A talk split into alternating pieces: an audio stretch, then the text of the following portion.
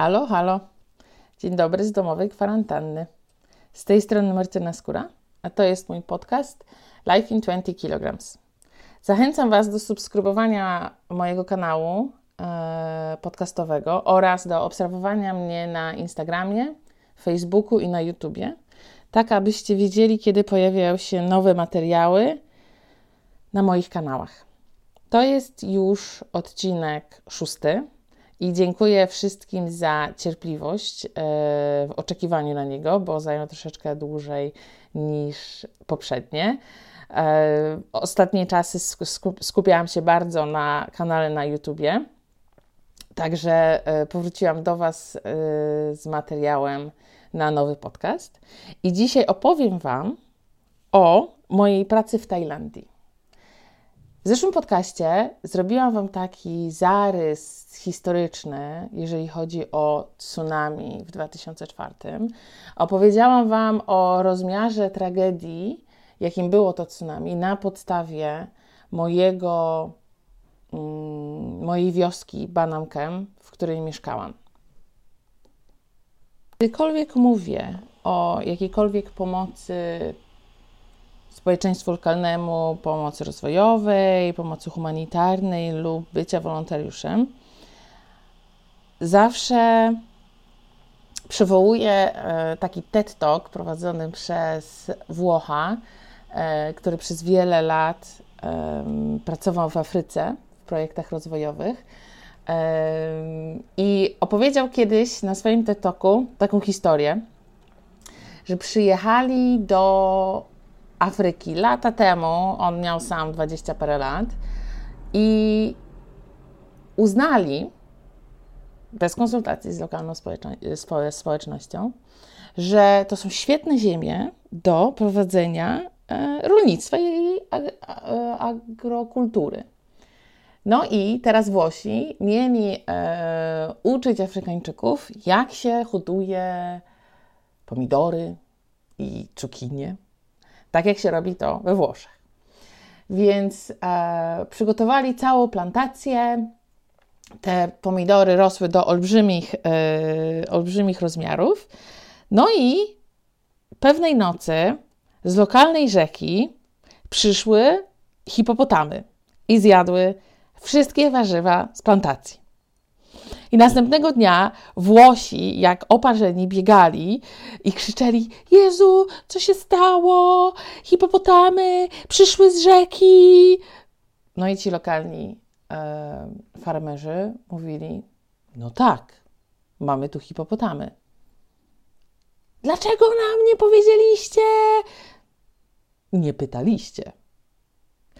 I klucz tej wypowiedzi jest takie, że chodzi o to, żeby pytać lokalną społeczność, jakie są ich potrzeby i dopiero znając te potrzeby, projektować swoje działania i swoje projekty. E, ja miałam tego małą próbkę, jak pracowałam w Gruzji, gdzie e, przyjechałam z całą głową pełną projektów aktywizacji kobiet w Gruzji. Teraz ja, taka wyzwolona, z liberalnymi poglądami, przyjadę do konserwatywnej Gruzji i y, będę tutaj uczyć kobiety, jak być niezależnymi. No i bardzo szybko okazało się, że te moje projekty nie mają racji bytu, a największą pomocą, jaką mogę oferować e, tym dziewczynom, była nauka języka angielskiego. I projekty w Tajlandii, w które byłam zaangażowana, też wywodziły się z rozmowy spo ze społecznością. Nie było mnie tam, kiedy te projekty zostały otwarte i zaczęły funkcjonować, ale ideologia firmy, organizacji, dla której pracowałam, Global Vision International, była właśnie taka, żeby rozmawiać z lokalną społecznością, poznać ich potrzeby i w taki sposób projektować swoje działania. Ja trafiłam do Banam Camp do domu słonej wody, e, wioski rybackiej, o której opowiadałam Wam w poprzednim podcaście. I byłam tam e, koordynatorką projektów społecznych. Ja nie byłam tam wolontariuszką, to była już normalna praca, e, ale bardzo dużo pracowałam z wolontariuszami. I nasza nasza baza, nasza, nasze projekty skupiały się na takich trzech głównych sferach. Jedna to były właśnie projekty społeczne, którymi ja zarządzałam. Druga to była edukacja e, języka angielskiego, uczenie języka angielskiego, lokalną społeczność. A trzecie to była ochrona terenów nabrzeżnych. E, w te działania byłam tak naprawdę najmniej e, zaangażowana, bo wtedy nie miałam jeszcze dużo doświadczenia w tej kwestii i dopiero zaczęłam nurkować, więc moja wrażliwość na, na środowisko dopiero się wtedy rodziła. Niemniej jednak na pewno pomogło mi to w ukształtowaniu jakichś tam wartości, poglądów i e, poniekąd planów na przyszłość. I teraz opowiem Wam o tych projektach społecznych. Tak jak e, wspomniałam w podcaście e, poprzednim, e, w podcaście piątym, tsunami w Tajlandii bardzo wpłynęło na lokalną społeczność w wymiarze, jakim Wam już wcześniej opowiadałam, ale również była to okazja dla wielu międzynarodowych organizacji, żeby zobaczyć, jakie są tak naprawdę potrzeby lokalnej społeczności. To, że wydarzyło się tsunami, było oczywiście e, okropnym, e, okropną tragedią. Niemniej jednak zaobserwowano inne potrzeby. Na przykład włoska organizacja, e, jakaś misjonarska, z tego co kojarzę, zauważyła, że w Tajlandii nie ma integracji osób z niepełnosprawnością ze społeczeństwem, które tych niepełnosprawności nie ma. Ja to też widziałam w szkołach. W szkołach nie było żadnych dzieci z niepełnosprawnością, zarówno fizyczną, jak i psychiczną. I ta włoska organizacja lata wcześniej, krótko po tsunami, otworzyła Chameleon Center, centrum dla dzieci um, z niepełnosprawnościami. Samo centrum opiekowało się w sumie około 80 dzieciakami z lokalnej społeczności, ale do centrum dziennie dojeżdżało maksymalnie 20 osób. Taką mieli po prostu możliwość. I te osoby w centrum były osobami z niepełnosprawnością chyba w najwyższym stopniu, ponieważ gdyby nie to centrum, to leżałyby po prostu przykute do łóżek w domu. E, centrum było prowadzone przez uroczego Somczaja, e, chłopaka, młodego mężczyznę z północy Tajlandii, który kochał te dzieci i naprawdę poświęcał im cały swój czas i całe swoje serce. W centrum e, organizowana była terapia dla dzieci. E, fizjoterapia, e, dzieciaki miały swoich fizjoterapeutów, była organizowana terapia przez sztukę, przez muzykę, przez sport i myśmy z wolontariuszami przyjeżdżali tam i pomagali e, w tych zajęciach. Naszym językiem komunikacyjnym był język angielski, więc zawsze, zawsze był tam jakiś tam element nauki języka angielskiego. No i były tam dzieci na przykład z porażeniem mózgowym, z zespołem Downa, z autyzmem. E, był jeden chłopak, O, miał na imię, i on miał um, zanik mięśni. E, urodził się jako normalny, jako w pełni sprawne dziecko, tylko z czasem y, zauważono u niego właśnie zanik mięśni, w momencie, kiedy go spotkałam, był w stanie mówić, był w stanie oddychać i miał sprawną jedną rękę. Jeździł na wózku inwalidzkim i był bardzo, bardzo zależny od, od, innych, od innych osób. Było kilka dzieci z zespołem Downa, Ploy, e, dziewczynka, która uwielbiała tańczyć i zawsze prowadziła dla nas jakieś zajęcia z tańca. E, mnóstwo małych dzieciaków, e, wszędzie biegających. No i myśmy właśnie organizowali im w porozumieniu e, i z pomocą e, ich fizjoterapeutów e, zajęcia właśnie, które miały pomóc im rozwijać swoje zarówno umiejętności takie manualne, fizyczne, jak i również intelektualne. Kiedyś e, przy współpracy z Centrum Kamilian zorganizowaliśmy wyścig charytatywny rowerowy. Byłam jedyną osobą e, z mojej bazy, która e, przejechała ten odcinek, już nie pamiętam ile to było, 20 kilometrów? Nie pamiętam, ale no, mm, nogi wchodziły mi tam, gdzie nie powinny. E, I w tym centrum e, spędzałam większość e, mojego czasu. W porozumieniu właśnie z fizjoterapeutami pracowaliśmy taką metodę pomiaru ich etapu rozwoju. Pamiętam, że kilka lat później dostałam informację, że o niestety odszedł, bo zanik mięśni już spowodował to, że nie mógł, nie mógł oddychać i po prostu pewnego dnia się nie obudził. To Centrum Kamilion funkcjonowało cały czas i dalej funkcjonuje. Poza, poza pracą z tymi dzieci, z dziećmi z niepełnosprawnością, skupialiśmy się bardzo również na edukacji prozdrowotnej i na zajęciach sportowych z lokalnymi dzieciakami. E, była szkoła, e, nowa szkoła wybudowana pod tsunami, e, w której prowadziliśmy właśnie zajęcia z edukacji zdrowotnej. To był taki obowiązkowy element, obowiązkowy element programu szkolnego. I myśmy po prostu się pod to podpięli i E, razem z lokalnymi nauczycielami prowadziliśmy właśnie zajęcia o zdrowym odżywianiu, o e, bezpieczeństwie. Również prowadziliśmy bardzo dużo zajęć sportowych. Raz w tygodniu organizowaliśmy e, takie zawody dla dzieciaków, żeby mogły po lekcjach dać upust tej swojej energii fizycznej. I pracowałam również w ośrodku dla uchodźców.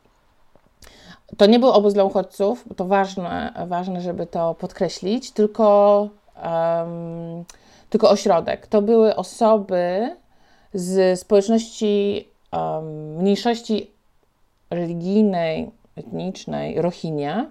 To jest społeczność muzułmańska, która żyje w Birmie, wywodzi się tak naprawdę z okolic Bangladeszu.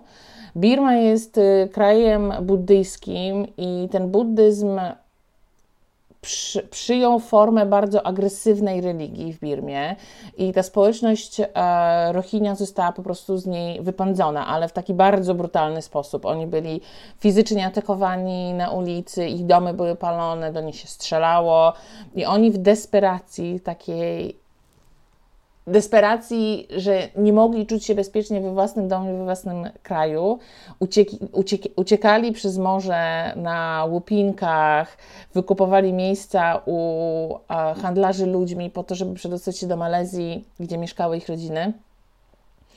No ale części się nie udało. Morze jest e, jakie jest, natura jest jaka jest i wiele osób zginęło na morzu. Wiele osób dobiło gdzieś do brzegu po drodze i ta grupa, z którą ja pracowałam, e, wylądowała w Tajlandii. Jeżeli na wybrzeżu spotkaliby handlarzy ludźmi, to zostaliby sprzedani do pracy niewolniczej. Mężczyźni na łodzie rybackie, z których już nigdy nie zejdą, a kobiety głównie do seksturystyki. No i e, ci ludzie spotkali na wybrzeżu policję. No i policja nie do końca wiedziała, co z nimi zrobić, ponieważ e, w Tajlandii nie ma czegoś takiego jak prawa uchodźców, więc mężczyźni zostali wtrąceni do więzień, a y, kobiety i dzieci do 18 roku życia, chłopcy, ja tam nigdy nie widziałam żadnej dziewczyny, y, trafili do ośrodka, który był wcześniej y, ośrodkiem interwencji kryzysowej i pomagał tajkom, ofiarom przemocy domowej. Trafi, ci uchodźcy trafili do tego ośrodka.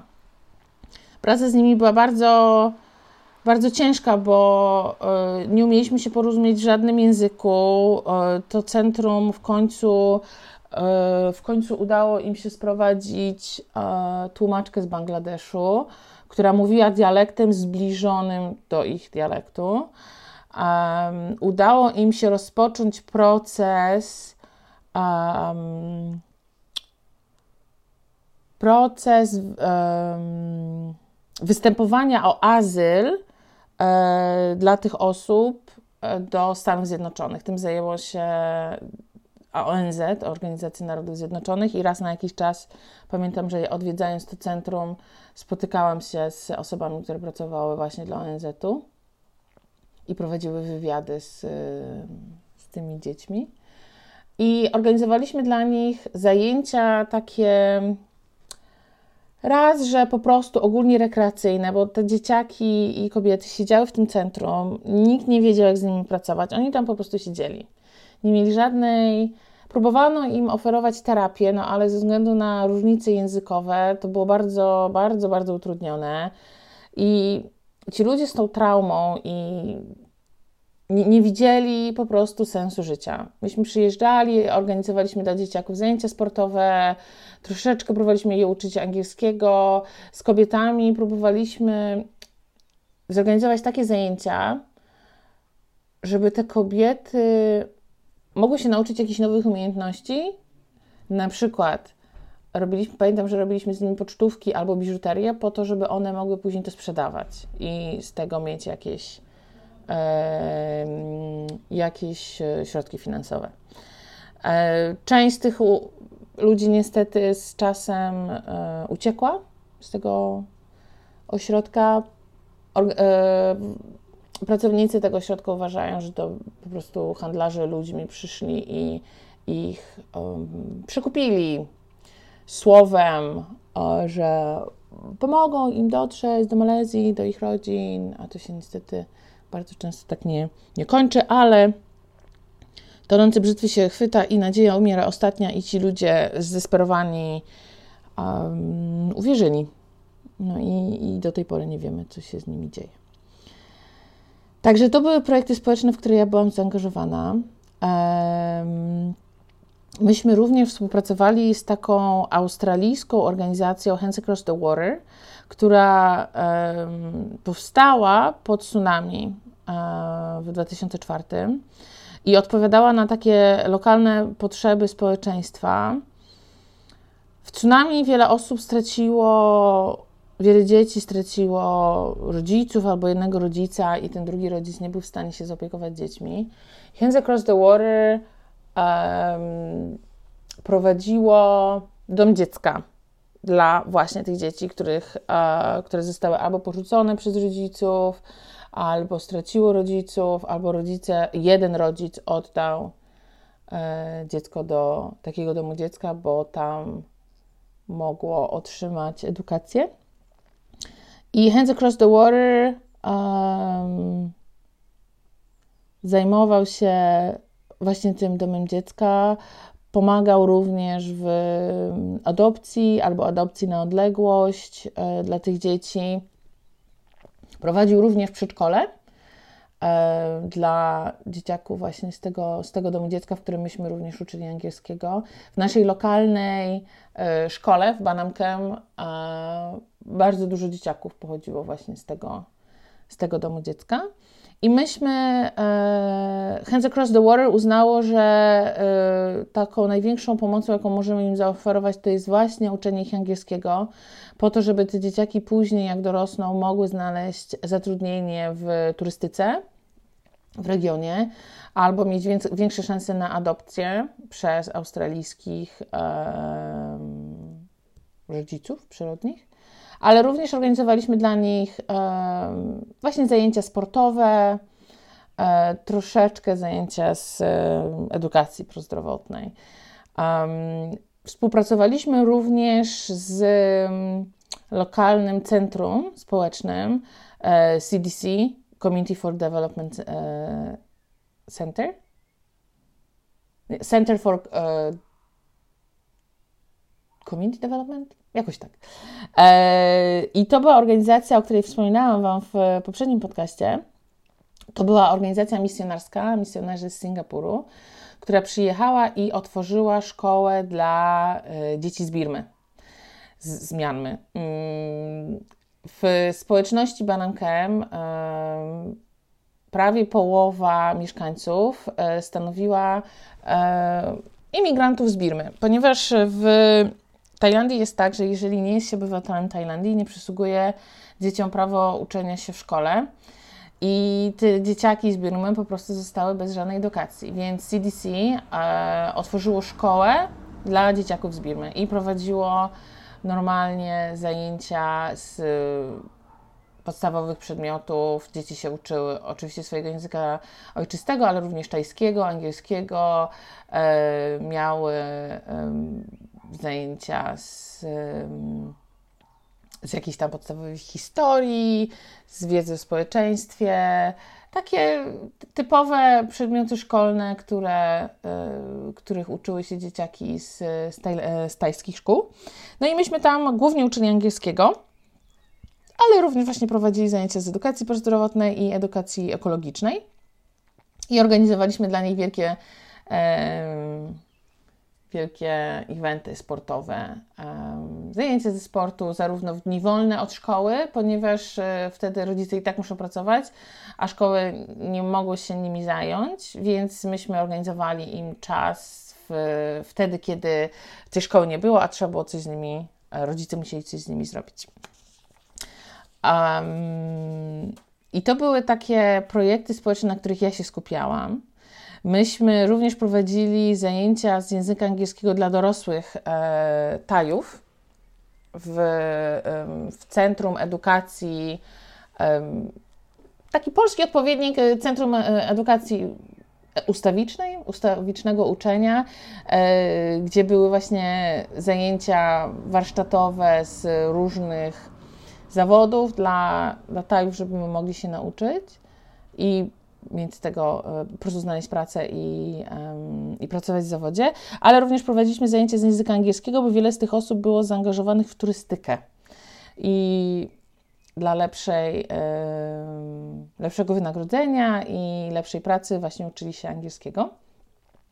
I ja, u, ja byłam zaangażowana w szkolenie nauczycieli języka angielskiego tak żeby uczyli e, społeczność lokalną. I e, ostatnim e, projektem, którym się zajmowaliśmy, ja byłam w, nim, w niego naj, najmniej zaangażowana, to były projekty ekologiczne. Banam znajdowało się na wybrzeżu Morza Andamońskiego, Oceanu Indyjskiego i miało przed sobą wiele wyzwań ekologicznych. E, projektami zajmował się Jolian. Jolian był biologiem morza e, z Australii. I takimi rzeczami, e, które robiliśmy razem z wolontariuszami, była na przykład praca w Centrum Ochrony Żółwi Morskich. E, w Tajlandii, tam w naszych okolicach były dwa takie centra. Jedno prowadzone przez marynarkę wojenną, a jedno przez um, jakąś tam gałąź ministerstwa albo parku narodowego. To były, e, znajdowały się w nim żółwie, które zostały albo znalezione na wybrzeżu w stanie bardzo krytycznym. I to te centra zajmowały się ich, ich leczeniem, albo również zajmowały się ich hodowaniem, w sensie takim, że populacja żółwi morskich w Tajlandii jest bardzo, po pierwsze ciężko ją zmierzyć, a po drugie y, szacuje się, że jest bardzo mała. Więc Centrum Ochrony Żółwi Morskich zajmowało się hodowaniem tych żółwi do roku, dwóch i później wypuszczaniem tych żółwi do oceanu. To było takie wielkie wydarzenie e, w tym, w tym mieście, bo logiem tego miasta były właśnie, właśnie żółwie i to centrum organizowało to już przez wiele, wiele lat i myśmy się po prostu zaangażowali w pomoc im. Codziennie, co tydzień w poniedziałek jeździliśmy i pomagaliśmy im utrzymać to centrum nurkowe, y, centrum, centrum ochrony żółwi morskich. Było wiele zbiorników, w których były te żółwie i je trzeba było czyścić. E, pracowników tego centrum było bardzo mało, e, a jeżeli i oni nie nadążali z tą pracą. I jeżeli nie czyściło się tych zbiorników, to te żółwie były bardzo podatne na różne infekcje, grzybice i myśmy by Wyjmowali te żółwie, spuszczali wodę, szorowali zbiorniki z kupy żółwi, później z powrotem wkładali żółwie i zalewali je wodą. E, również e, zajmowaliśmy się e, um, opatrywaniem, mogłabym powiedzieć, leczeniem tych e, infekcji nas e, ci e, pracownicy Centrum Ochrony Żółwi Morskich przeszkolili w takich bardzo podstawowych rzeczach, jak się nakłada różne lekarstwa albo różne maści, płyny na, na tych żółwi. Um, I oni się zajmowali jeszcze w ogóle rozrostem rafy koralowej i niektórych roślin po to, żeby móc je później zasadzić e, w morzu, jak się sadzi rafę koralową, e, bo niektóre z tych gatunków były już no, na granicy wyginięcia. Zajmowaliśmy tak się takimi rzeczami, zajmowaliśmy się również e, edukacją ekologiczną w, właśnie w lokalnej szkole albo w tym centrum, w tej szkole dla dzieci z Birmy. E, również z tymi dzieciakami i zarówno, zarówno z tymi dzieciakami tajskimi z Birmy i tymi chłopakami z Centrum e, dla Uchodźców. Organizowaliśmy sprzątanie plaży również współpracowaliśmy z e, tamtejszym Parkiem Narodowym i e, ten Park Narodowy też nie cierpiał na nadmiar pracowników i sami nie byli w stanie zidentyfikować jakiego, jakie gatunki zwierząt i owadów żyją y, w ich parkach, więc nasi przeszkoleni pracownicy i wolontariusze zajmowali się właśnie wypatrywaniem takich zwierząt, owadów, różnych gatunków w dżunglach, e, dokumentowaniem tego i przesyłaniem tych informacji do e, tego Parku Narodowego. Również w porozumieniu z Parkiem Narodowym e, zajmowaliśmy się obserwacją turystów na wyspach, na Symilanach. To jest miejsce, które jeszcze przed tsunami było w czołówce światowej światowych spotów nurkowych. Tam rafa była po prostu przepiękna i widziałam te zdjęcia wcześniej i rzeczywiście zapierały dech w piersiach. No niestety tsunami je bardzo bardzo, one bardzo ucierpiały przez tsunami i rozwój turystyki spowodował to, że Tarafa i cały Park Narodowy nie miał czasu się rozwinąć, a przypływ turystów był e, ogromny. No i nie wszyscy, nie wszystkie firmy e, dbały o, o ochronę tej rafy i ochronę te, tego środowiska. Więc myśmy się zajmowali obserwacją zarówno tych e, firm, i na przykład, czy y, przewodnik daje y, instrukcje turystom, jak mają się zachowywać w wodzie. Czyli nie dotykać rafy koralowej, nie gonić żółwi, nie dotykać ryb, nie śmiecić, nie stawać na koralu, nie zabierać muszelek lub części rafy koralowej. I później obserwowaliśmy jeszcze turystów, e, czy rzeczywiście tego przestrzegają, czy śmiecą i te nasze raporty przekazywaliśmy dalej Parkowi Narodowemu, który już później spotykał się z tymi lokalnymi firmami e, i szkolił ich, jak właśnie przeprowadzać takie wycieczki dla turystów po to, żeby chronić tą rafę. I to by było chyba na tyle. Takimi rzeczami zajmowaliśmy się w Tajlandii przez rok.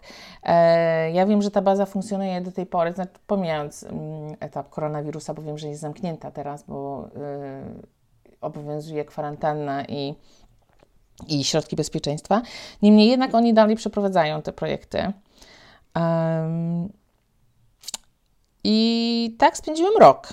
I nie ukrywam, że był to jeden z najlepszych yy, lat, jedna z najlepszych prac, jaką w życiu wykonywałam, bo czułam, że robię coś ważnego. Czułam, że byłam bardzo związana z tą lokalną społecznością i mieszkańcami Banam Camp. Miałam fantastyczny zespół. Co warto, je, warte jest zaznaczenia, kiedy pracuje się dla takich organizacji, to nie istnieje coś takiego jak motywacja finansowa, bo ja zarabiałam śmieszne, śmiesznie niskie pieniądze, Dlatego myśmy wszyscy pracujący tam byliśmy bardzo zmotywowani w inny sposób i to jest fantastyczny aspekt pracy dla takiej organizacji bo nie znajdziecie tam osób, które nastawione są na kasę, kasę, kasę, tylko to są osoby rzeczywiście z powołaniem, e, które mają wielką pasję i, i chcą rzeczywiście pomagać innym. I mój zespół był fantastyczny. Myśmy stworzyli e, rodzinę tak naprawdę i 7-6 lat y, później dalej jesteśmy z sobą w kontakcie i się przyjaźnimy i spotykamy, jeżeli tylko jest taka możliwość. Dwa lata temu odwiedziłam Juliana i Holly chociażby w Australii, gdy leciałam na Fidżi. Um, także tak wyglądała moja praca. Taką najważniejszą rzeczą, jaką chciałabym, żebyście wynieśli z tego podcastu, jest to, co wspomniałam e, na początku, żeby pomagać z głową, żeby najpierw poznać to lokalne społeczeństwo, zobaczyć, jakie są ich potrzeby, rozmawiać z nimi i dopiero wtedy ustalać, co będziemy robić. To odnosi się troszeczkę do tego eurocentrycznego podejścia, o którym wspominałam w odpowiedzialnej turystyce. Także dziękuję Wam bardzo za wysłuchanie mojego podcastu i spędzenia ze mną 30 minut. To był mój e, szósty podcast na temat mojej pracy w Tajlandii. Zachęcam Was do subskrybowania moich e, kanałów YouTube'owych, e, kanałów na podcastowych na Spotify'u albo na Apple Podcast oraz na śledzeniu mnie na Instagramie i na Facebooku, tak żebyście wiedzieli, kiedy pojawiają się nowe materiały. A teraz życzę Wam udanej majówki.